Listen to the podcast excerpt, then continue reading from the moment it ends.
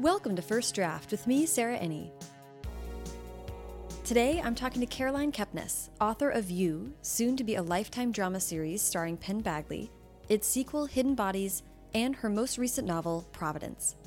I love chatting with Caroline about her wayward path to books, writing while literally regaining her voice, and having her writing debut in Sassy magazine. So, please sit back, relax, and enjoy the conversation. Hello, Caroline. How are you? Hi, Sarah. Good. How are you? Good. So, I like to start all these interviews with uh, going back to the very beginning, which is where were you born and raised? Cape Cod, Massachusetts, born and raised. And I yeah. like a million questions. oh, yeah. Yes. Where to? Yes. Go ahead. well, it's such a specific place. And uh, in some of the interviews that I read with you to sort of get prepared for this interview, you have a lot of pride from being from Cape Cod. Before I jump into specific questions, do you want to just tell me what what was that like growing up in the kind of a tourist town? It's a very like lovely. Yeah, I think that's where the pride comes from because you're there year round, and it's a strange thing to be a little kid and understand that like, oh, all the people here in the summer are going to leave, and like things shut down, and we need them in order to have all these nice things, but also like, oh, they leave, they can't handle you know the beaches and that used feeling. So I've written about it and different things, and yeah, and it's just also so beautiful, and there are so many different beautiful parts of it, and then of course the ugliness too is Right. is all the Well, more. Yeah. Yeah, kind of knowing that your town is a place that people want to go, but not stay. Yes, is quite a yeah. It, messes with people's heads a bit. Yeah. and yeah, And the, well, the, I have to tell you, the quote that I read from you that just made me laugh so hard was you said Cape Codders are very good at partying. I think that has something to do with being close to so much natural beauty. I just would love to hear you explain that a little more. at partying. Yes. Yeah. Yes. I mean, it feels like it's a celebration just to be there, and it's a strange thing too, especially in the summer when you have a summer job and everyone else is coming just to vacation. That it makes the raging that goes on after work like more intense. I feel like my favorite job was working for the ferry, mm. and there were all these people who were there for the summer just to work from Ireland, and then it was the tourists. I mean, it was like living in a TV show. That, and then the wild parties like before things were as monitored as they are now, where it would be like kegs and just craziness and bathtubs of alcohol and yeah. And that it's all the more fun because when you deal with people all day who are on their vacation and you're working, it's then at night. Yeah.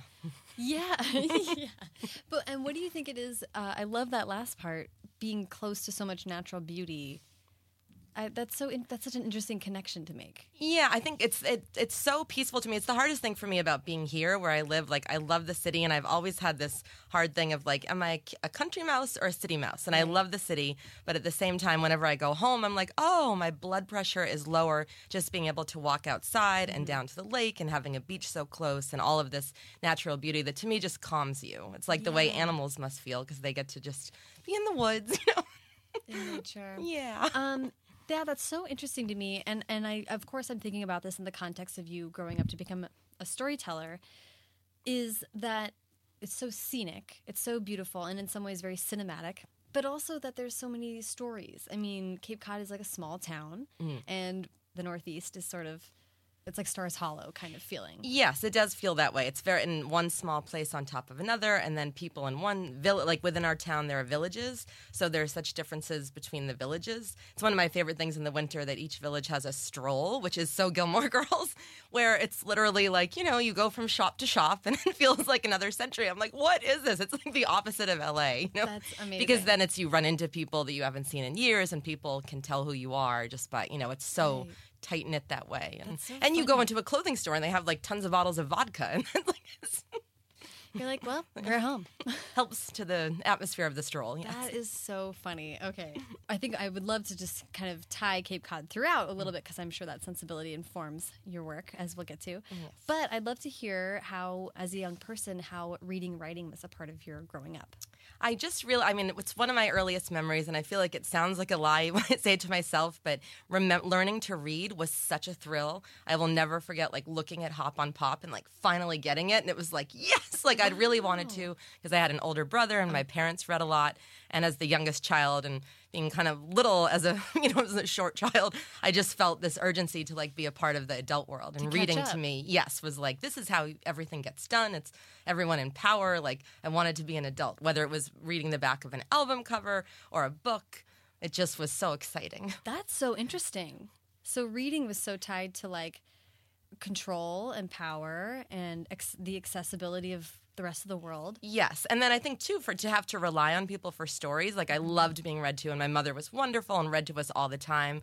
But it was at that when you can't read and you need someone else to do it. I was like, I don't like, you know, I, I want to be able to do that myself. And then once I could, it was like, forget it. You know? Oh, those. Richard Scarry books. Yeah. Oh, I love them. So, what kind of books were you drawn to uh, growing up? As a little kid, the Richard Scarry, and then I love Ramona so much. Beezus and Ramona were like my favorite. and- yeah, and everything Judy Blume. And then my parents were also great, where I became obsessed with Sweet Valley High, and they would like drive to Boston to get a new one. You know.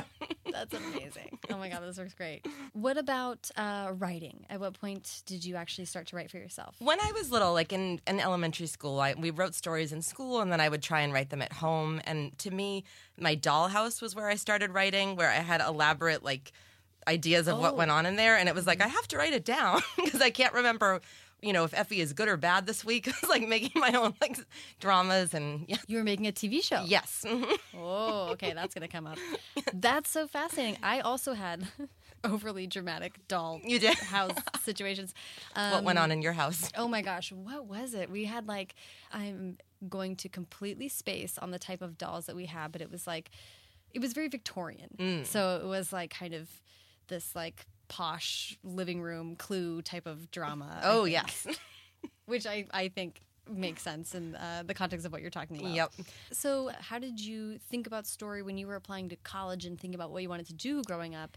Was that a part of your thinking? Yeah, a really uh, like important thing that happened for me in high school. I wrote a short story and I like hand wrote it and sent it to Sassy magazine for this writing contest. And I was obsessed with Sassy. Like that was they were the rock stars to me and that was my Yes. favorite thing in the world. And I was also kind of pushy. I feel like that's part of the Cape Cod too, of like knowing that there wasn't any internet. So I was very much into the phone and I would just like cold call people. So they had said that they were going to announce the winners. And, and I, I love the arrogance of youth too, where I was like, well, this has been a long time. And also, I just wanted to know who won. I call Christina Kelly. Um, this is amazing. I'm like, I'm calling to find out. Like, yes. and she's like, oh. I get put on hold. I'm like, heart racing. That's really her. Like, I can't believe that Oh she's on the phone. God. And she comes back and she's like, you have an honorable mention. And I was like stunned. I mean, that was so exciting. And my name went in the magazine, and that was a thrill. Like, that was a, yeah. So that was this moment. And I got a typewriter, and I think it was $200 or $50. It was some, some combination of things that was amazing, you know? That's rad. What was the story about? Uh, it was called Angels and Angels, and it was about it was from a girl's perspective. I think you don't realize she's passed away until sort of the end, and she died of a drug, you know, overdose. And it was a story in school. They made me go talk to the counselor because they thought that it was a diary, and that's one of those things that happens to women. I think when it's a woman, they want to think that it's your diary in a way that, like, with men, there's an assumption of invention, and like. And with girls, so often it's like, "Are you okay?" Like, and I was like, "Oh, well, this is like I like to make things up." And I feel like I didn't know where I was going with it. I had just been listening to the song "She Talks to Angels" by the Black Crowes a lot, and yes, it was like a mood thing, you know. Amazing. Mm, Yeah. Well, and also a sense of mystery. Yes. And a Mhm. surprise in the narrative. Yep. It's kind of amazing how early these trends appear in our creative lives. Yes, and it's interesting what comes out of you when you go to write because I like to always like read a lot of different things, but I would have thought that I would have made something more like Sweet Valley, and that way I've always like you know liking. You're things like, this that. is going to be a, Yeah. a friendly romp. Yeah. Oh, she's dead. Surprise, she's dead of a drug overdose. Mm-hmm. so you have this sense early on that writing is something that can get you places Yes, and that you can yeah. be recognized for. I loved it, and that was a great like validating thing of like, oh, like you can do this, and someone else reads it because that was the miracle where it was like maybe the contest, like maybe no one reads it, and it was like, oh, those people are real, they all really exist, and they're on the other end of the phone. yeah. Yeah, that's. That's very cool. Yes, yeah. So the other time that I called, it was I called YM magazine because my brother was an extra in School Ties, and I was going up there every day with him. Not every day. I mean, he was working every day, but I was going up just to tag along and put on dresses and you know all these boys before they were famous. And I was like, I can't decide which one to interview, and I didn't know how to do it, so I called YM.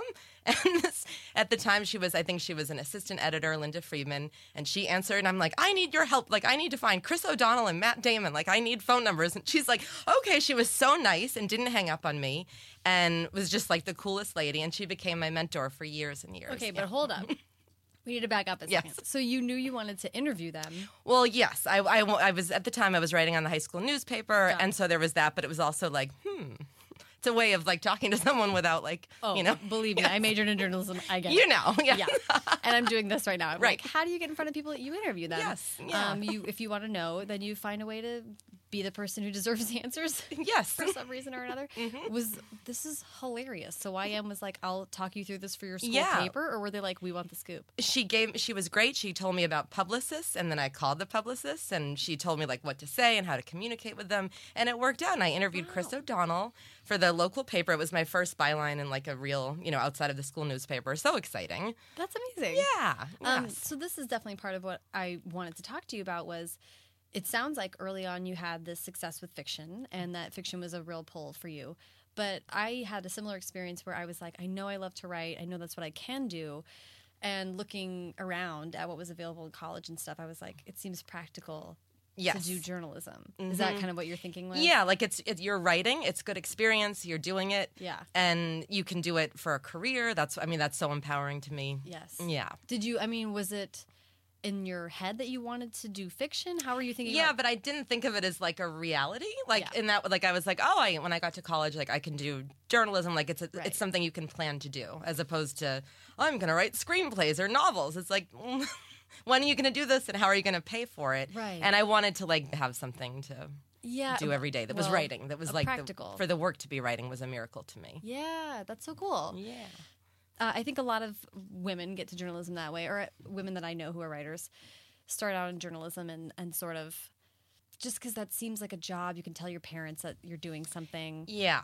And then authors seem like mystical Right. And I like it too because it encourages writing because of to me especially when it's met back then magazines like you do something and it's over. And you learn from it you don't get to go over it as opposed to the nightmare of fiction when you're writing and you're like I could look at this every week and find something wrong with it and go on forever. Because that's what I could imagine myself doing because Mm-hmm. with writing short stories at the same time as articles. And to me like when you go back and forth those two like there's nothing like finishing an article and knowing it wasn't quite right so you go to that short story like I'm going to kill you now like you know you're going to work the way that that didn't because you have no choice but to leave that behind Right. So you were actually doing both at the same time. I liked that. Yeah, I've always liked that energy.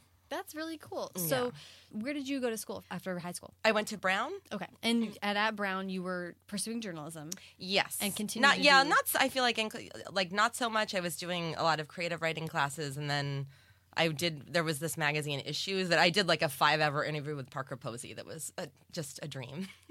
Amazing. That's so cool. Yeah. And then at the same time, you're continuing to.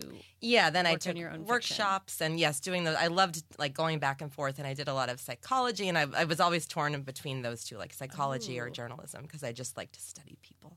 All right. Well, that's going to show up later. So I'm like, I want to stay linear, Mm-hmm. but you sort of jump a little bit all over the place, and there's so much interesting stuff in here. But I would I'm love sorry. for you. No, I know, Caroline, you're too interesting. But I would love for you to talk me through the entertainment journalism, the TV. Tell me how you kind of the, the arc of your career. Yeah. So then, so let's see. So in college, I did. So, I'd had that Parker Posey interview, and I did another story, but not a lot of writing for the newspaper. I'm realizing now, which I don't, because in high school that was the editor in chief, and that was my mm-hmm. main. But then after school, oh, I know what happened. I so I forgot that I was graduating because I directed a one act play that I wrote. So I had that, and I had taken a semester off. So my last semester, I was like, it was I was going to be graduating in December but I'm directing a play. I'm so happy. Like it was just such a thrill and a rush, and it was a small like a night of all these different plays. Wow. And then and my parents were like, "What are you going to do?" I'm like, "I'm a director," and they're like. What are you going to do? And this is where that thrifty New England, I feel like we're set up to be very extreme because then it's mm-hmm. like after being so hardworking and, you know, obsessive in that way, I have this like semester of like, I am an artiste. And then I'll never forget graduating and being like, oh, oh, I forgot. I forgot about jobs. like I forgot that I don't get to stay here. Like it's over. I'm not a director. Oh, And the one play is not like it doesn't, you know. So I went home to the Cape and I and I applied for this job at a law firm, and then I just became like I was interviewing a lot. It was a, I think it was an environmental firm. I've blocked a lot of out because I, this was that moment of like, am I going to be practical or am I going to go for it? Mm-hmm. I went back for these interviews and it was the suits and it was so practical. And then I got the job and I liked the spirit of like it worked out. Like it was a thrill to get an offer. Yeah. And I went and I rented an apartment and signed a lease. And I went to a car place and like, you know, test drove a car and it was like, okay, like this is the life. And I can, I, if I could draw, I could draw that apartment like so vividly. And I go back to the Cape and everything's packed. And I had that creepy crawly like for days, like, and my parents are like, all right, here we go. And I'm like, actually, I made a phone call this morning. They're like, what? I'm like, oh, yeah, I called the law firm and said, I can't come in. And they're like, are you sick? I'm like, that's what they asked. And um, no, I'm not sick. I just can't come in. And they're like, ever? I'm like, yeah, like, no. yeah. Yeah, that's never gonna. Yeah, it was a good paying job. It was a, yeah. And then I just moved to New York. Okay, I want to talk about this for a hundred years. So, what was that? I think this strong like sense experience of like this is not going to be good for me. Like this will I don't Yeah. want to do it. I feel like anything whether it's you have to want it on some level, but it was like Yeah. I think law school is that thing. I, and for years after that, that was always my I should go to law school. Like I'll go online and do LSAT practice tests Interesting. because I love the idea of it. But anytime I would do the test, it's like I don't really want to do that. So it was like to go somewhere every day that didn't really interest me Mm-hmm. was not appealing. That's amazing. I've had a few people tell me these things. Uh, Courtney Summers, I interviewed her, and she was she was in high school and was just like, you know what, this isn't for me, and just quit high school. And I was like, this is incredible to me that you had those Wow. instincts that early, and were able to recognize that it wasn't working for you. So I love that this is something where you got that far, and even then were brave enough to be like, I have to be honest with myself that I can't follow Yeah. through with this. And it was brave, and I think it was also nerves because part of it had been every time I went in there, I called that like that frozen neck feeling mm. of like where it felt like this isn't real, like I can't keep it up, I'm gonna like crack, like, and it was kind of like I'm gonna go in every day. Well, what's that gonna be like? Oh, so it was like part brave and part terrified, and then I mm-hmm. thought, is this just what life is? Like, do people just go do something they don't like or don't feel right, and like, how did I trick them? Like, yes. Right. Oh, that's funny. Is everyone feeling this all the time? Mm-hmm. Is this what it is to be an adult? I don't want any part of it. But I mean, that's so amazing that you listened to yourself and yeah. made that choice. I'm assuming that people were like maybe concerned about it. Mm, yes. so then I went to New York and went to a temp agency, and then that's where like the good stuff begins. Where like they'll never forget this place, and I write down, I fill out my resume. I'm like Excel, no, I don't like computer programs. Honorable mention, Sassy Magazine fiction contest, like direct, you know, play director. I go in there, this woman, she's like a real New York '80s type woman. It was not at the '80s, and she's sitting there like slashing things, slashing things. I'm like, no, no, and she's like, do you have any pantyhose? I'm like, what? She's like, you need pantyhose and you need to learn Microsoft Excel. I'm like, ah! That's so funny. Oh my god. Yes. This is so funny. Well, wait. First of all, what made you want to go? What was the pull to New York? just I think in that Muppets way of like, oh, that's where all art happened. Like that was that was my idea. Like, and everyone, most people I knew were going there, and and I'd gone there to intern for Conan O'Brien when I was still in college. Oh, and okay. yeah, Cool. so I loved it there, and was it just felt like that's where I want to live. got it. so, what became of the temp agency situation? they sent me to the museum of after a few very bad like you know meet bads of other of banks and things like that where it's just Yeah. yeah i got a great position at the museum of natural history where i told them that i was trying to write and they were so welcoming and loving and i mean to be there what an inspirational place to be especially when like i wasn't a scientist but to be around all of that science and all of these people so passionate about what they were doing in such a strange place and to get to go into the recesses of that place and the attics and see, i was i mean it was um, like just i look back i'm like how did that work out? Like yes. So, so that's cool. what makes me think about the law firm that part of it was like oh that i know exactly what it is and i'm not curious. Whereas in the museum it was like such a safe way to learn about things without being responsible for them if that makes sense. Like Well, then- someone else is a phd and they're telling me about an elephant something i'll never retain but in the moment i'm like this is fascinating Yes. Yeah. Which is also something you learn, and that's a skill that you have as a journalist. That's yes being curious about something, but not needing to retain it over the long term. Yep. But still caring. to have that feeling like today i learned something Yes. yes Yeah. Oh, that's really cool. Yeah. So I know that you get from this to entertainment writing. Yes. So then there was an ad in the New York Times in the old school like print edition that was said, "Do you like boy bands?" And Hello, obviously. it was the peak of NSYNC and Backstreet Boys, and I loved the song "I Want It That Way." And at the same time, I'd been interviewing at Condé Nast, and there was a job at House and Garden. Uh huh. So I had offers from both places, and anyone I like anyone in journalism was like, "It's Condé Nast," and I knew that, you know, it's Condé Right. Nast. But I kept hearing, "You are my fire." so I went to Tiger Beat, and and the Condé Nast HR lady was like, "This, I, you know, in it, I'm trying to be your friend here, like." I'm like, I know, but But I got it. who knows how long they're going to be around? like, yes, because it felt like even then that moment, like it couldn't last forever. And it was Right. like, I can't not. I mean, the fact that I hadn't really, I'd been into New Kids on the Block obsessively when I was younger, but I'd never, like, then that ended and I hadn't looked at one of those magazines for forever. And it was just deeply fascinating to me, like, how they work. And it was another, like, what a, what a good thing to learn about as opposed to like a real serious magazine. I was like, I'm not quite ready to. Houses or gardens. Uh, And I never liked houses or gardens. Yeah. give or take. So it was like your beat at Tiger Beat was the boy bands. yep. Yep. What does that mean? just there are so many great moments like uh, boy bands would come in who like aspiring boy bands who were visiting from overseas this vivid memory of this band called first love from germany and they came in and we're sitting in a conference room and everyone's hungover and you know 23 years old about to vomit and there are muffins and these german guys like singing serenading like it's just the strangest combination of things and it's our job to like decide if they have it.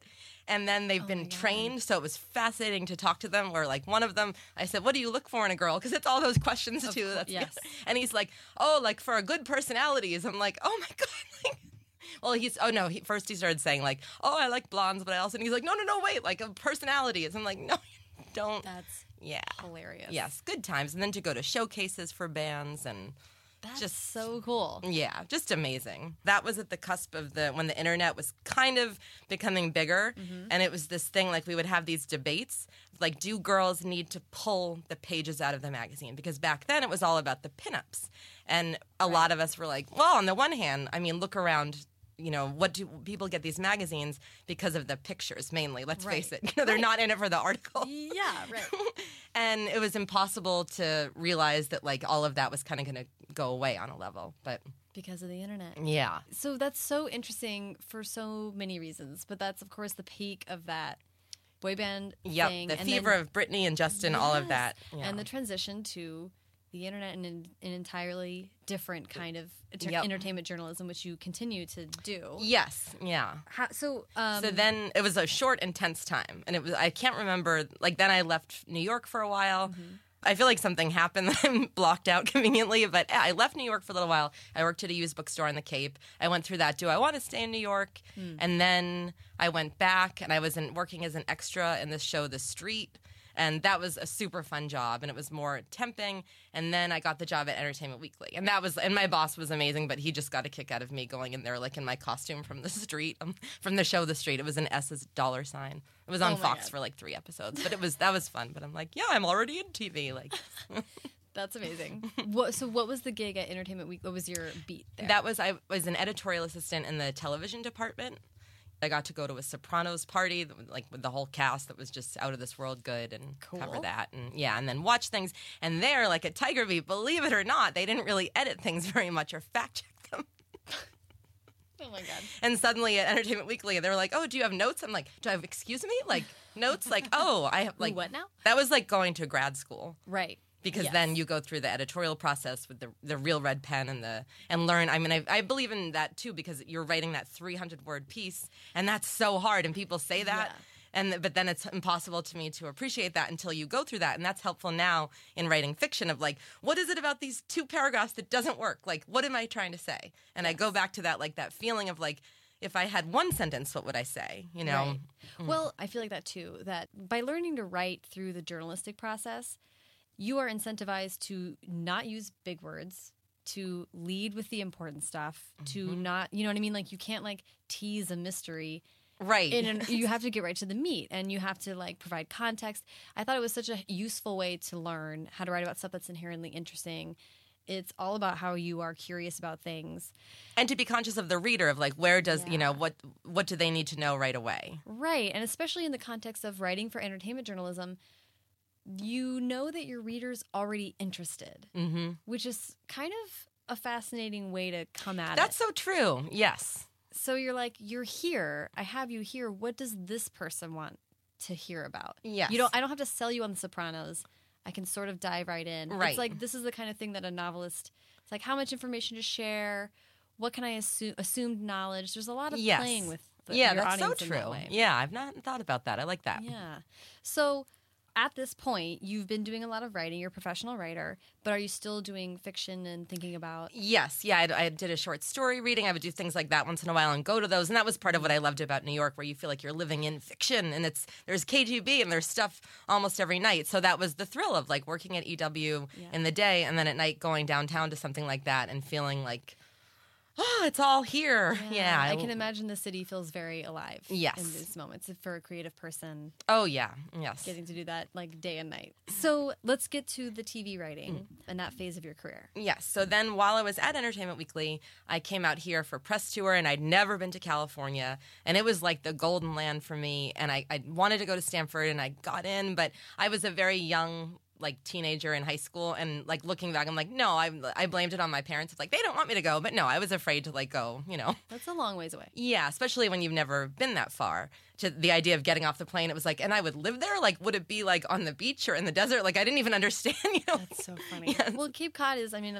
I can imagine in a lot of ways. so ways. small and Right. yeah And very like so lovely in that way, but then the rest of the world is terrifying. Yes, and it's the quaintness and that knowing and being known and the dark side of it too. But all of that quaintness, that's what was strange. Like before I'd been here and I, you know, read so much about it and tried to imagine it. But that first time you come here and you see it all, it's like, oh, it is that big. It is that non-quaint in terms of like the sprawl and everything. Just It's a lot of things. Is someone's not going to be like, oh, you're a Kepnes, aren't you? You know, like there's no, there's no feeling of That's so funny. togetherness and running into people and all that. It's just very different. So Yes. yeah. But then when I came here for EW, I got to stay at the Ritz in Pasadena and go to press tour, and that was so exciting. And I remember telling my parents, "I'm going to move here," and they're like, "You're living in the Ritz Carlton with a driver, like you know, like." Let us know how. Of yeah, course you're yeah. so that was that was seated in my head, and I had started writing spec scripts at that point, and then I feel like I, started, I wrote one about my time at Conan, like inspired by that, oh, and that was yeah, and I'd read a couple books about TV writing, and then in college I'd wanted to do it. Hmm. So then I was obsessed with Seventh Heaven. And was always writing about it for EW, and was like, "Can we do this about Seventh Heaven? Can we do that?" Because it was just so clean and mm. weird, and so specifically itself. And there was, I did something about the dog. I don't know if you watched it ever, but Happy the dog had reaction shots, which was just unlike unlike any other show where like legitimate reaction shots, like cut to the dog and like you know, somehow he looks the same, but it's that contextual thing where something's bad happening, you're like, oh, it's sad, happy. That's So yeah, so we did this box of like happy reaction shots, like things like that that made me just thrilled me to my soul. And then the showrunner sent me flowers at one point for something I wrote about comparing the the family on Seventh Heaven to the Osbournes. And oh. then I sent her scripts like, "Hey, thanks for the flowers. Like, here are my spec scripts." My and, spec. and then I just kind of, I'd been at EW, I think, two years, and it was like either you move up and go with it. And I was like, I'm going to go. I was trying to make the decision of whether to stay and at the magazine or leave. And I'm at the down the street from my apartment with my friends, like in this dramatic, you know, what do I do? Like this decision, like do I stay or do I go to nothing? Like do I hear I have this great job? It's a raise, it's a promotion, it's more interesting work, it's more Right. responsibility. But I was like, I've always wanted to go out there, and if I don't go, I'm gonna like, and you know, when you're young and you feel like you're so much older than you are, like now I'm like, oh, you idiot, like you know, like you were a kid. But we're sitting in the bar and it fills up with smoke, and I'm like, that's that's my building. And my friends were like, no, like it's not, you know. I'm like, no, that's and it was. So it was like, okay, that's the sign from the universe. There was a electrical fire in the apartment above me, and my computer was ruined, and all the clothes were ruined, and we didn't have renter's insurance. So it was like that colossal idiot move of like, okay, like now I have nothing. So perfect. Um, that's wild. So your house burned down. Mm-hmm. So you were like, why the fuck not? right. It felt, just felt like a, a sign. Yeah, I would Yeah. say that I would take that as a sign as Yep. well. Yes.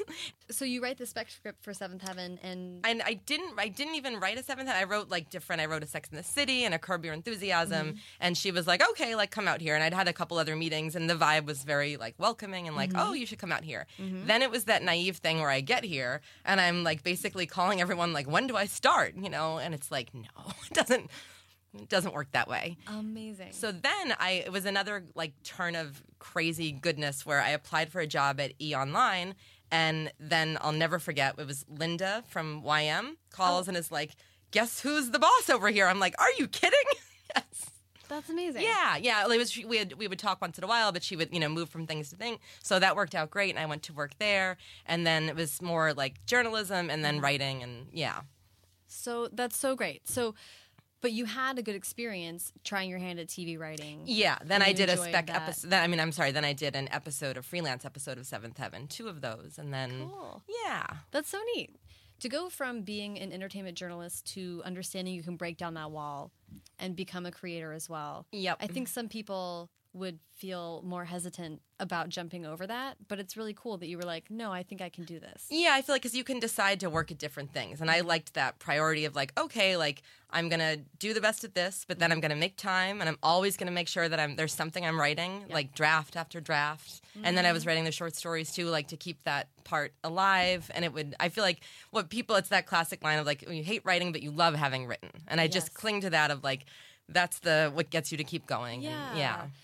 Okay, let's do how you got to the fiction writing, and then I'm I want to ask about the short stories and that kind of thing. Oh, yeah, but how do we get to the first book? Um, the first book we get to, so I had worked on Secret Life of the American Teenager, and for on the first season, and then I did an episode in the second season, and then I had this period in life where everything just started to go wrong on every possible like level. Where my dad was diagnosed very sick after I started. This is all gonna. It's gonna sound like I'm mixing up like cancer and like bills at the same time, but it was like this like hysterical weird there were problems with everything. I left LA and went home to help with my dad for a couple of years. Oh, wow. And kind of left everything, but kept reading and writing. Mm-hmm. But then after he passed away, like I was just completely out of it. Yeah. And I hadn't done anything in a while and so depressed. And then about a month after he passed away, my mom had to have surgery that was awful, like a week before. It was like the, one of those like where you have to laugh because it starts to sound ridiculous of like poor little matchstick girl. Like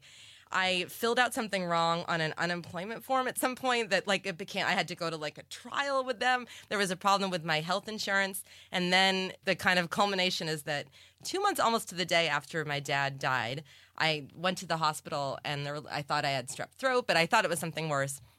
And they're like, it's you know, it's everything's worse when you're depressed and you know you're in shock and right. go home. And then a couple days later, I realize, oh, in order to drink, I'm like pouring water like to the side of my mouth. But I write it down. I can't talk at that point. I'm like, gotta go to the hospital. And we get in the car and get there. And they immediately like give me a shot of something, and it was and it was like known that it wasn't strep. But the mm-hmm. doctor comes in, he's like, "There's this you know thing called epiglottitis. You can have issues that are on the windpipe of abscesses. It's probably not that.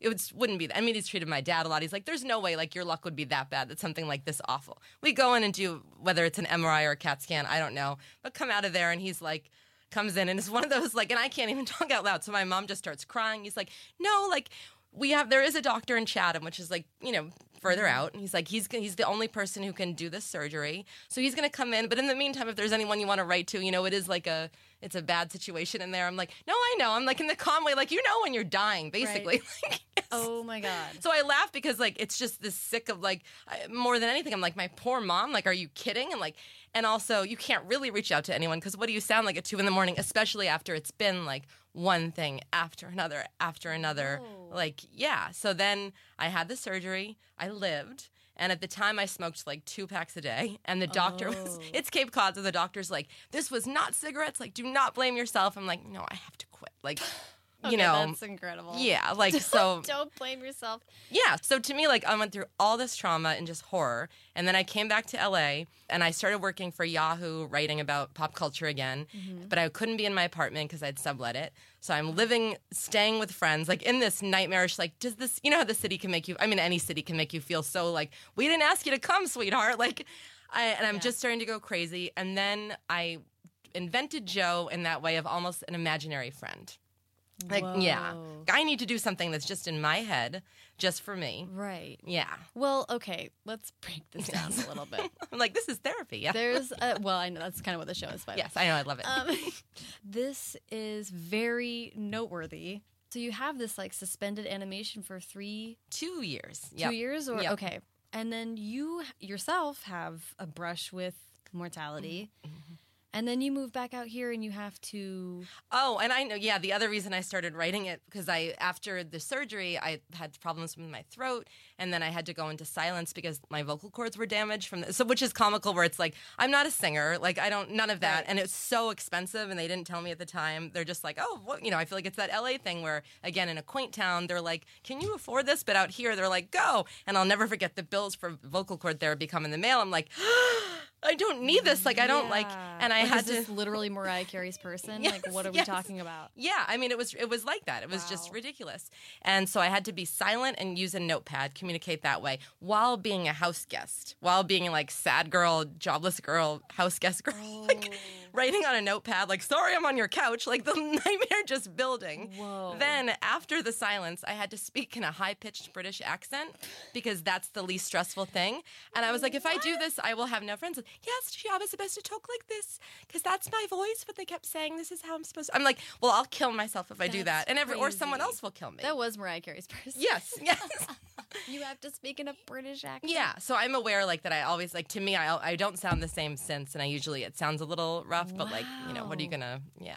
That's so fascinating. yeah. So it was like one day I was like, okay, I need an escape. Like Yes, it's also this period of time where you're just having to, I mean, reevaluate from the ground up. yes, You know what I mean? exactly. And stuff that seems like this isn't a knock to movies or TV, but books are really a place where you. you can just go off. It's the like there Yes. not that. Str- I mean, at least in especially in the beginning, and it's fun to go off in a way that's that it isn't when you're writing a script. Yeah. Because even in, to me, if you're looking at the dialogue and it goes on and on, and it's just not pleasing to the eye, and it's No. like, oh, this is never gonna, you know. Yeah, and the paragraph upon paragraph, even when you're doing a description, it can be so therapeutic. Yes. hmm and really evocative of you're like, I just want to transfer this feeling to a page. Yes. Not to speak for you, but that's But you said it. Yes. It's like, oh, and for that moment, and it's the happiness that comes from that when Uh-huh. it had been so miserable, and so it was like that. Oh, I mean, I've then then once I was writing it, it was like this is just a dream. I haven't felt like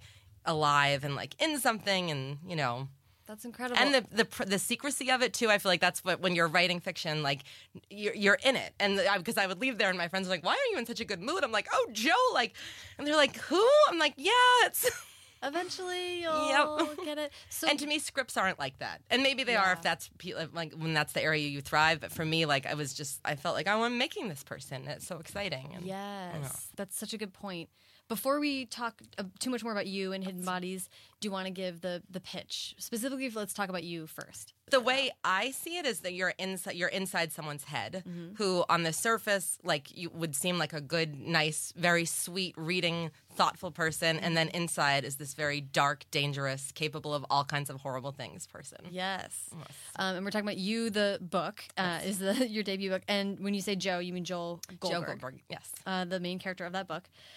Okay, there's like a lot of questions I have based on what we've been talking about about this book, but I want to. So you, in one interview I read with you, was so interesting. You said about you and the theme of that book and what happens. I might ask you to tell a little bit more plot about what happens. Yes. But you said I wanted to write about what it's like to have your world turned upside down by one person, and that seemed to me tied to having your dad pass away and having a lot. I mean, talk to me about Yes, that. absolutely. I wrote a pilot and like a, for a TV show on spec about cancer and my dad, Mm-hmm. and it made me so sad and it was grueling. And then to me, it wasn't very. It was way too soon. I mean, I look back now, I'm like, what was I thinking? Right. But this was the opposite of that because it was the creation of this whole other world that was ultimately about loss, Mm-hmm. but that wasn't about my loss. And that's what was transformative and healing about it for me because Yeah. you cry so much, especially like when someone dies very slowly and you know they're going to die. It's such a strange, like while he was dying, my best friend out here, her mother passed away very suddenly. And it was this strange thing where she'd been out to visit my dad and was, so, you know, was just a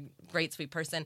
And her mom just died like abruptly. Whoa. And her husband was like, What's worse? I'm like, We're like, Yeah, no, there are so many different kinds of hell that it's like, Yeah. it could blow your mind. And it's just heartbreaking. And you never get over it. But it was like, I wanted to explore that the way that the dark side of love, of like when you love someone, so part of your heart is in their heart. And that, yes. And this was just a way to do it that made me feel like reconnected to the world again, too. Because I felt so like in that like I, it's so, such a strange thing to look back and think of like learning so much. And it, it's again like I was Right. kind of like my mom and I were in charge of everything with the so many pills and so much to learn and research. Yeah. And at the time, it's like maybe I'll go to med school, and it's like no, you know. It's, Yeah, right. Nobody knows more about cancer research than people who are the family members of cancer yes, patients. exactly. Uh, it becomes this sort of really intense Yep. period of learning about these kinds of things. And I like that you, I mean, it's interesting to me that you have the experience of trying to write a pilot that's so literal about your experience. Mm-hmm. Because that is, I think, a big stumbling block. And when I have ideas for scripts versus books, they are so much more literal. It's like, I just want to see the thing right. on screen. But in a book, you can talk around something, And it can 500 surprise you. Yes. and Mhm. it's still about that thing and it still has equal emotional like catharsis Yes. for that thing like my dad died also Oh, I'm sorry. And my first book about it was about time traveling pirates in new zealand Yep. but i was like well it's still a grief book it's in there for me Yes. um, and you know just i don't know it's just so interesting how the mind works that way yes. but i love that you found fiction and that it was such a release for you that's incredible yes. however this book is not like no. let's like talk a little bit more about the plot of the book because it's, yeah. Lots of see you next Tuesdays in there. Yes.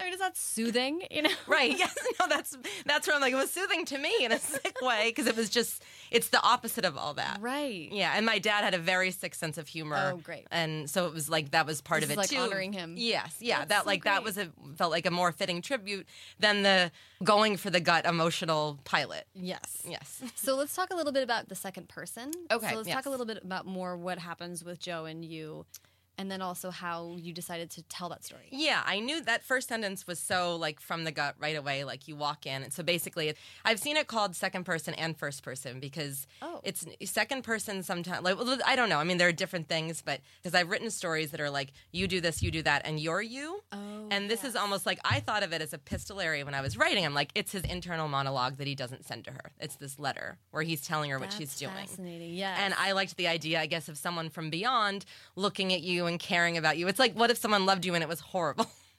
so basically, this girl walks into the bookstore and he just fixates on her. And mm-hmm. I, it's not love at first sight; it's interest at first sight, mm-hmm. and that's where he's reasonable. And it's not like they, I mean, they get along, Right. But he goes in pursuit of her, like he.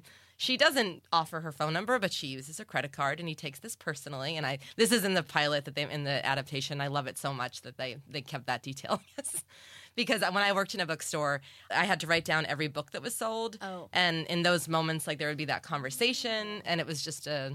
Bookstores are weird. bookstores are weird. We need to talk more about the Mm-hmm. Yes, creepy we'll get to- yes. of, of bookstores. yes, we do. Um, So yeah, so then he becomes interested in this woman and then gets to know her online and it's about how you expose yourself on social media and it's essentially like she's kind of an exhibitionist and he's a bit of a voyeur and kaboom. And he has not great intentions. He in that one way his mind like he's he thinks that things should work out one way and that she should be one way and when she doesn't meet his expectations he deals with it in a violent way. Yes. Yes. Mm-hmm. I read someone talking about, and that's such an interesting and really good point about the second person. Because though it, though it says you in the book quite often, and that's the title, and it And this is where I'm like I didn't get an MFA so that's where I'm never quite me neither. But and, and traditionally when people say you see you, it's the second person. But Yeah. you're right. It's it's right his that's perspective. right. And this was uh, So when you read, to me, you like you're in it. Like the way I felt was, oh, you're getting to be them both at once. Because when you close the book, you're like, oh, what's it like for her? And that was why I didn't think about going into her perspective. Because for me, the reading experience was this like kind of the guilt of being consumed with something. I think also in that mourning way, and when someone's dying, and when you lose someone, it's all you in a way that's can feel narcissistic at times. Yes. Because you know, like I'm the big loser. right. And then when you kind of grow out of it a little and you adapt you adapt the loss to your life, you realize, Mm. oh, like I was so like consumed with this that you're getting to know your life again. Yes. Whoa. Yeah. There's a lot there that I'm relating to in a huge way. Yeah, because there's so you're so in that situation you're like the loser here is the person who died. Yes, yes.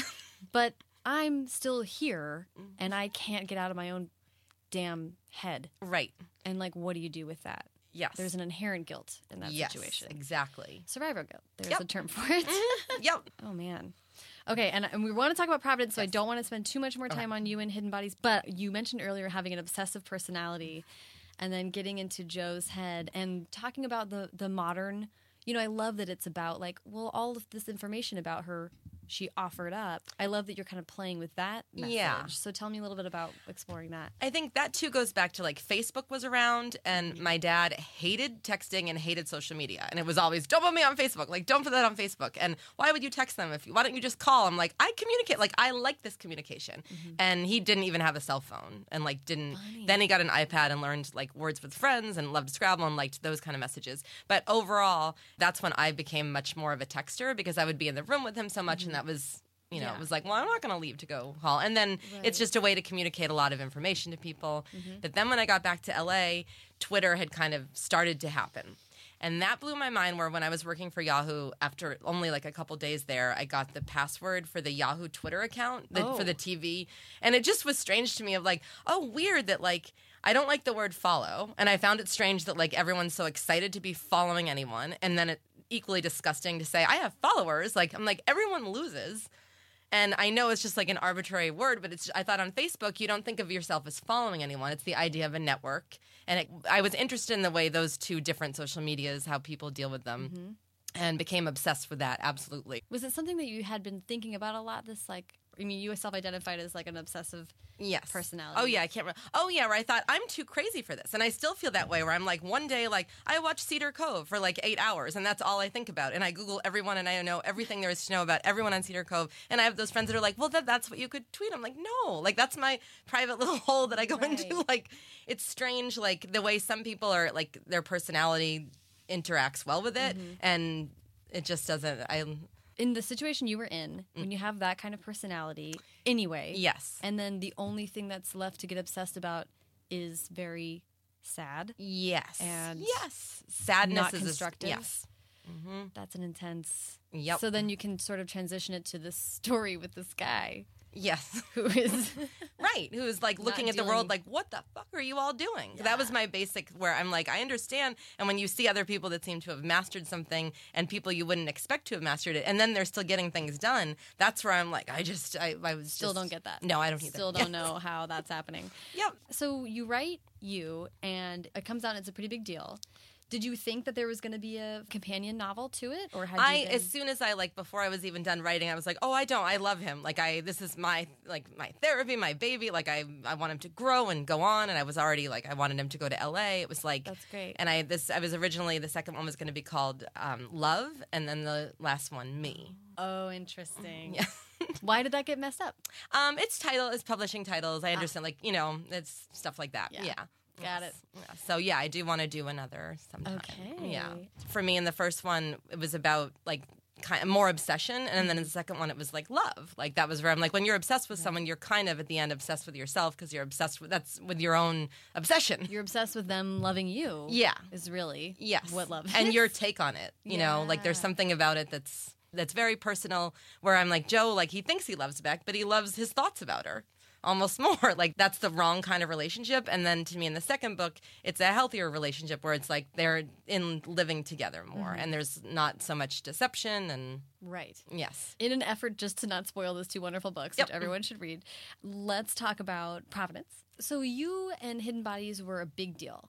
So, I'm always interested when people have books, especially debut books that are really successful, that can be disorienting or challenging to feel like a follow up. So, what was, how did you feel about your burgeoning writing career? Yes, I mean it's so exciting. It's such a different way to write, and there is to me an adjustment that everyone it's unique to everyone, but that like oh to go from writing something like no one's ever going to see this to be like oh I'm writing this for, and it's likely that people are going to see this, Right. are going to want to see it, are going to have expectations. Right. It's a strange, wonderful but surreal. It's an adjustment. Mm-hmm. Everybody has second book issues, even Oh, if yeah. only their mom buys the first book. Like, Yes, it's a thing. Yeah, and that's where I feel like I, I, in my own like stupid way, I was like, oh, but if I do a sequel, I'll get around that second book thing. Like, no, you, it's your second book, and it's, Yeah. you know, it's nervous and nerve. I mean, it's nervous. Yeah, you can't even talk. That's what it is. Yes. Yeah, nerve wracking. yes. hmm So for the third book, you say you want to write a third book in the You series, Yeah. but what made you decide to take a leap with this other project? Just so intense. Like I wanted, I had, I wanted to write a different kind of story, and I mm-hmm. wanted to write something with different points of view. Mm-hmm. And I think it's also a little masochistic writer thing too of like I can't do that because then what it's it's done. So it's a little bit of wanting to hold on to him, right? you know, which I feel like is a little selfish, but in a, a little sick, a little Joeish. But I think Joe would get it. Yes, yes. And I'm like, oh, if I write the third one, then it'll feel over. And that kind of blew my mind. It goes back to like, this was my whoopee from after my dad died. Like, I don't want to finish it. Like, Right. I'll just, you know, stop doing it for a while. Right. Oh, that's so Yes. interesting. Before we talk too much more about Providence, uh, do you want to give the pitch for the book? Oh, yeah. I'm sorry. I'm so bad at this. I know it's hard. yes. It's a boy and a girl who have what I wanted when I was a kid this beautiful friendship and the sense that the future they'll be together. And then it's about fate, feeling like fate is on your side. And then mm-hmm. something happens that splits them apart and changes everything. And someone else's fate comes into play. And it's about what we do when things don't go our way and how mm-hmm. we react. And more, a little bit more concretely, Mm. it is there's a kidnapping. It's John and Chloe are the point of view characters, and John is kidnapped. And then Right, plot. I always yes, that helps when Well, saying just because I want to be able to reference it Yes. a little bit and asking about things, and then he gets quote unquote power, Mhm, he's he's changed. Yes, Yeah. Mhm, something incredible happens to him. and that power might put Chloe in danger. Yes. I'm like, wait, do you want to mm-hmm. take? I'm like, Yeah, no, that's yeah. He gets a power from something that happened to him in a passive way, and that's mm-hmm. where I wanted. I wanted to have this like a very passive male in that mm. way, who's active in his own way, but like a male victim. And here she is. She develops her power, and she decides to like she becomes something. She becomes in charge of her life, and he mm-hmm. doesn't feel that way. And I liked those dynamics of how like who has it harder the person who goes missing and disappears and is kidnapped and Right. awful or the person who feels like oh that's my person i met them and then they're gone and then you're left to miss someone like those are Right. both burdens and i wanted to get into either side of that Ooh. yeah and Very that's where and i wanted to have like the the detective come in who's in a situation where he has it's in like almost an older version of that where he has a good marriage but they have a kid who's sick Mm. and to me i can't imagine like that's one of the hardest things in the world to deal with and it's a like an, an adult version of what these younger people are dealing with of like you get what you want but then it's it's screwed up Right. and Right. how do you deal with it how do you cope with it and that's where he becomes interested in their lives a little bit in a way And is he also a point of view character? yep So there's three points yes of view. yes Wow. So what was it like to j- jump from one super super close point of view to three different characters? crazy dreams yes and just and cra- like crazy making of like in, in, in a fun way but it, Yeah. that's where it was a long writing process because the minute you find one character like I I feel like I knew what I wanted John to be and then when I really got into Chloe like it was like oh now I have to go back to him because when she changes he has to change. And then you're tracking their lives together as opposed to being a little bit you know spoiled. And for better or for worse being with that one guy for 800 pages it was like it's his interpretation that's driving the narrative and it's a different way. Like it's you always have that like he can be wrong about things and like he's Right. perceiving people's lives as so different from people expressing their interior Yes. on the same kind of schedule so Well, there's a lot inherent- of calendar making yeah yes like Yeah, there's an inherent consistency yes to having the first person. I can imagine, especially once you get into the deep editing mode, that that would be really challenging. Yes. of like, oh, I love this part of the story where she says this, but it doesn't really line up with if he just in the last chapter if they interacted or like he that happened to him, then she yeah. It's it was a, a, in a it was a puzzle. Yeah. Yes. And this was the first time then writing from the point of view of a female character. Yeah, for that length. Yes. Like I'd written a lot of short stories in that way, but I definitely wanted to write. It was like What do you think made it more attractive to write you in Hidden Bodies in a male perspective? What made Joe the right? In this it was the absolute escape of it like mm. it was a way to deal with i think too when someone dies like that and you reflect on your life and the mistakes you made and smart things so definitely like beck like literally in the book like lives in the apartment i lived in and is you know in new york like reading bad short stories like there was a lot of me in there and it was this way of examining myself in a way that was like That's Yeah. fascinating. I mean, just i didn't want to write from that perspective you know yes. And the book was literally a desperate attempt to get out of your own head, yes but you're Mhm. still examining yourself every Right. time you write. Oh, that's so interesting. um, so it's really neat that in Providence you get to dive into these three perspectives. It also makes plotting. I mean, how do you write? Do you plot everything? I I outlined like crazy and then kind of throw it away, go back to it, throw it away, go back to it. But the driving question too was like basically about the idea of a good person, Mm. where like they're both these characters are good people, and that was part of like where I wanted something different from Joe, where I'm like, oh, he's unquestionably like bad, but these are what I was interested in. Like, is someone a good person or are they good for you?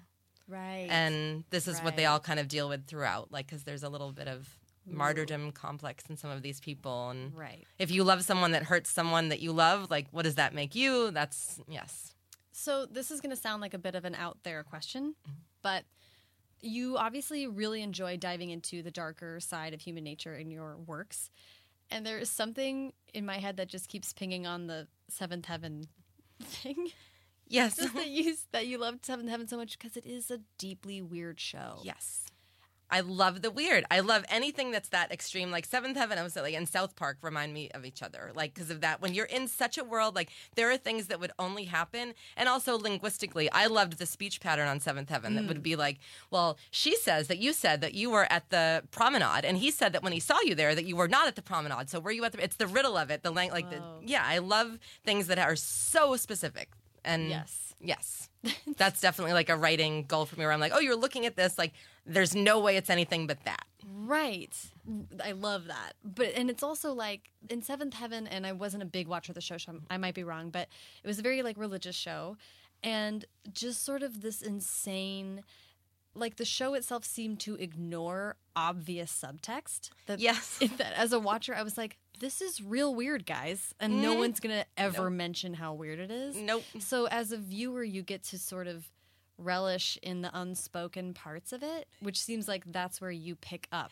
Yeah, that's interesting because there is a lot of quiet in Seventh Heaven, in spite of all of the rambling. And like, there's like a long monologue, and then there's a shot of yeah, like the dog, and then someone like a lot of fa- where you're in your mind, you're having this whole world, and that's why I loved it because I'm like, this is weird. Like, yes, yes, yes, and and very, almost as if they're giving you that space to yes. yes, Like people can't the- really be this clean and this pure. That's what I love too. Of like how, yeah, I mean, he's just so damn good. Like. And it's like when are they going to pull up a floorboard and there's a body? Like this doesn't make yes. sense. Because in a way, I feel like it's a little bit how social media can seem sometimes with people where it's like, oh, come on, like you're doing all this good, you're calling your senator. At some point today, you thought, fuck you about someone and like had a dirty, selfish, awful Yes. thought, but everyone's like a little bit Camden of their like, I'm saving the world. Like, Yeah, uh, I'm like this isn't explicitly connected to Providence, but I just feel like it's sort of this tone Mm. and this sort of human nature question that you seem to be very interested in continuing to examine. yes. Um, and the way that we examine ourselves, like in the book, like with the Chloe, where with writing a girl and her relationship to her art, like she deals with like, am I profiting on this terrible thing that happened to him? Mm. And it's that thing where you questions that you can never really answer, mm-hmm. and that you can't win with either answer. Those are my favorite kind of questions. Yes. Well, I was talking to a friend earlier today, actually, who also unfortunately lost her father. Mm. But we're like in the wake of those things. I started writing books because my dad passed, and it was like, well, now is the time to do it. So you have you put yourself in this position where you're like, my life is only the way it is because of this awful loss, which I would take back in a minute. But Yeah. since we're here, I'm happy about it. It just twists you up. Yes, it, it is. It is a twisting thing. Yeah.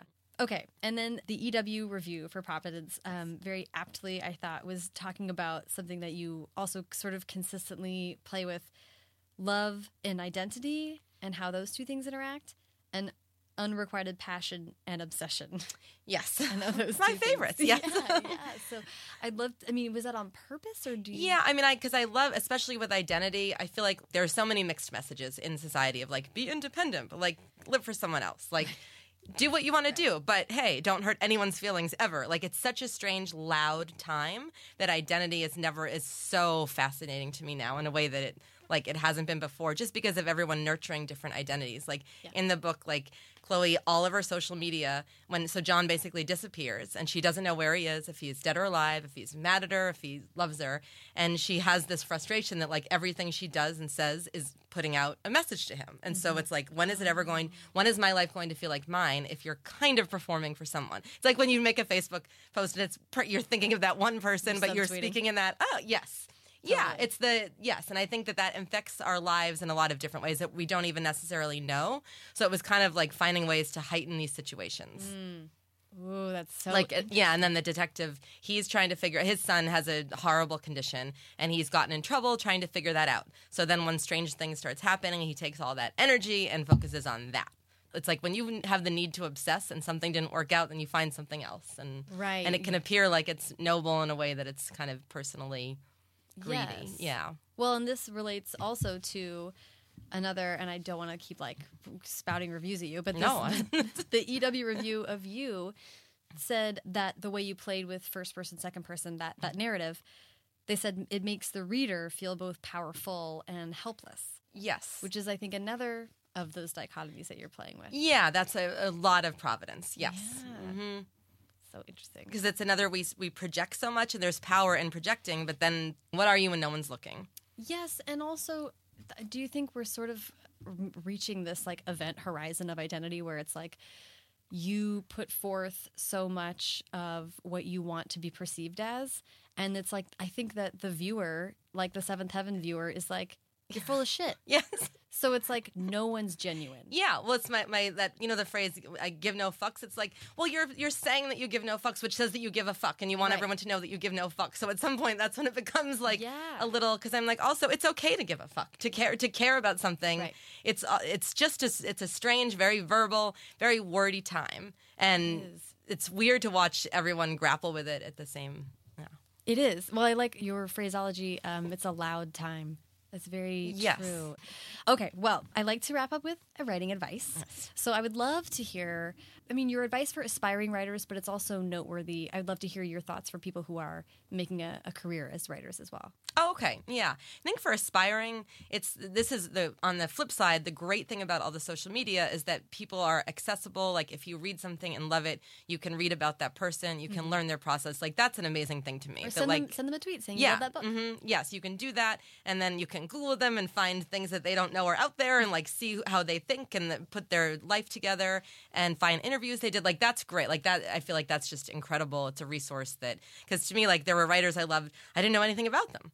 Like I didn't. I Lucinda Valley High Ro- writers. yeah, Lucinda Rosenfeld for years was like my favorite. I just love her book so much, and I remember thinking, I don't know what she looks like. I don't know. Never, you know, Very secret. yeah, it's a strain. It's that's changed so much, so that's nice. And then take all that and write and write every day. Uh, Uh, not every day, but like write religiously. You have to make it a little bit more of a religion, like mm-hmm. in order to get the good part of that feeling. Yeah, Yeah. that's true. Yeah. And is that same advice for people who are in the game? Yeah, in the game, of I it feels funny to give advice for people, like, but to me, like I'm a big printer outer, and I like to work on something, and I print it when I know it doesn't work, instead of like because I feel like, or you can sit for seven hours and write thirty pages and be like, now I've made a bigger mess. Instead, if you have two pages and it, it's fucking horrible, and you print it and go somewhere without your computer mm-hmm. and look at those pages, and like force yourself to sit with that.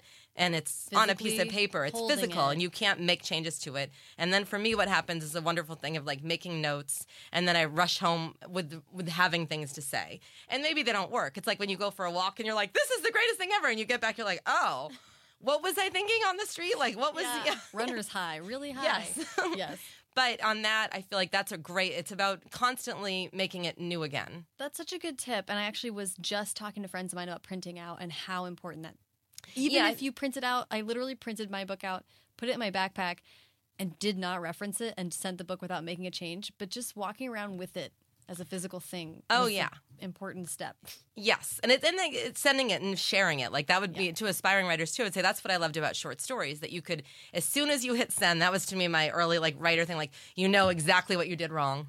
like so many literary magazines, I'm, I'm like I, I was addicted to um, the submissions manager where you could look and it would be like un, in consideration. You would know they're reading it, but so often you hit send, you know how to fix it because it's too so late. true. And then if you withdraw it, you look, you know, oh, I, I mean, I did that and that. I feel like there are magazines I probably withdrew things like four times and resent, and then wondered why they didn't publish it. I'm like, That's so funny. But you're right that Yeah. psychologically there's an, an immediate yes, something about hitting send just lifts you into this other perspective. yeah. It goes back to that sense of like, okay, it's complete. Like that part of it is complete, and we don't have a lot of completion in lives. I mean, my thing about the reason all social media is dangerous because we're all watching a story that has no structure, no beginning, middle, end, and no anticipation, and there's no there's no suspense because it just is never ending. That's and so true. it's like we're the story that we spend most of our times on has no structure. It is a fucking mess. I found myself on Twitter the other day and I was scrolling, scrolling, scrolling, and I, I found that the impulse for me was I need to get to the good thing. Like I was scrolling so fast Mm. Right, and reading yes, it, and yes. like it was all news stuff, and I was like, this isn't it, this isn't it, this isn't it. And then I found myself being like, what the fuck am I looking for? Yeah. What's the thing that I think is waiting at the end of this literally endless scroll Yes. of garbage? Yeah. There's nothing. And it's changed. And the fact that that's what you're doing, whereas opposed to, to me, like when I was young and in New York, sit in a coffee shop with a journal and write horrible things, but like look around at people and to realize everyone was doing that, like it can't not change brains. I mean, it's just. and at the same time, I'm like, when you actively shut it out, even that's different because you didn't have to do that then. So that process, it's like going on a diet. Like it's, wow. yeah. Well, we don't have a solution, but Nope. that's so super interesting to think about. Um, But all the more reason I think the solution is that way to to let it be on paper and let it be a finished thing. Yeah. And find different ways of doing that. Whether you send that send that to someone and don't do that thing like when we all do it. I mean, I, there's a mug that I have that's great. That's like, oh, it's done. It's done again. Fuck it. It's not done. It's fuck it. It's done. You know, it just goes on like you know all Oh the my documents. God. Yeah. Of course. well, we didn't get to half my questions. I could talk to you forever, but this was so lovely. Yeah, this you was so great. Caroline. Thank you. Yeah, thank you so much. Thank you, Sarah. Thank you so much to Caroline. Follow her on Twitter and Instagram at Caroline Kepnes. Also, Providence has been nominated as one of five potential books to kick off the first ever Tonight Show book club. So make sure you go to the Tonight Show website to vote for Providence as one of the premier Tonight Show summer reads. And on September 9th, tune in to Lifetime to watch the premiere of You, starring Penn Badgley. I'm pretty excited.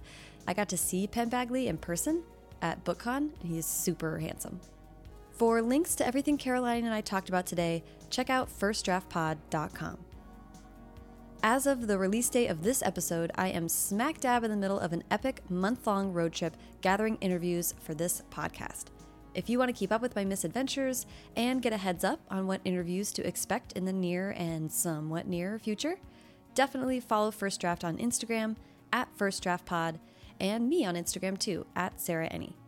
And hey, if you like what you heard today, please subscribe to the podcast on Apple Podcasts or wherever you listen to podcasts and leave a rating or review on iTunes. Ratings and reviews help other people find the show, uh, so it's super helpful. Haley Hirschman produced this episode. The episode was engineered by Cody Ziegler. The theme music is by Hash Brown, and the logo was designed by Colin Keith. Thanks to super intern Carter Elwood and transcriptionist at large Julie Anderson. And as ever, thanks to you, yes, you, for listening.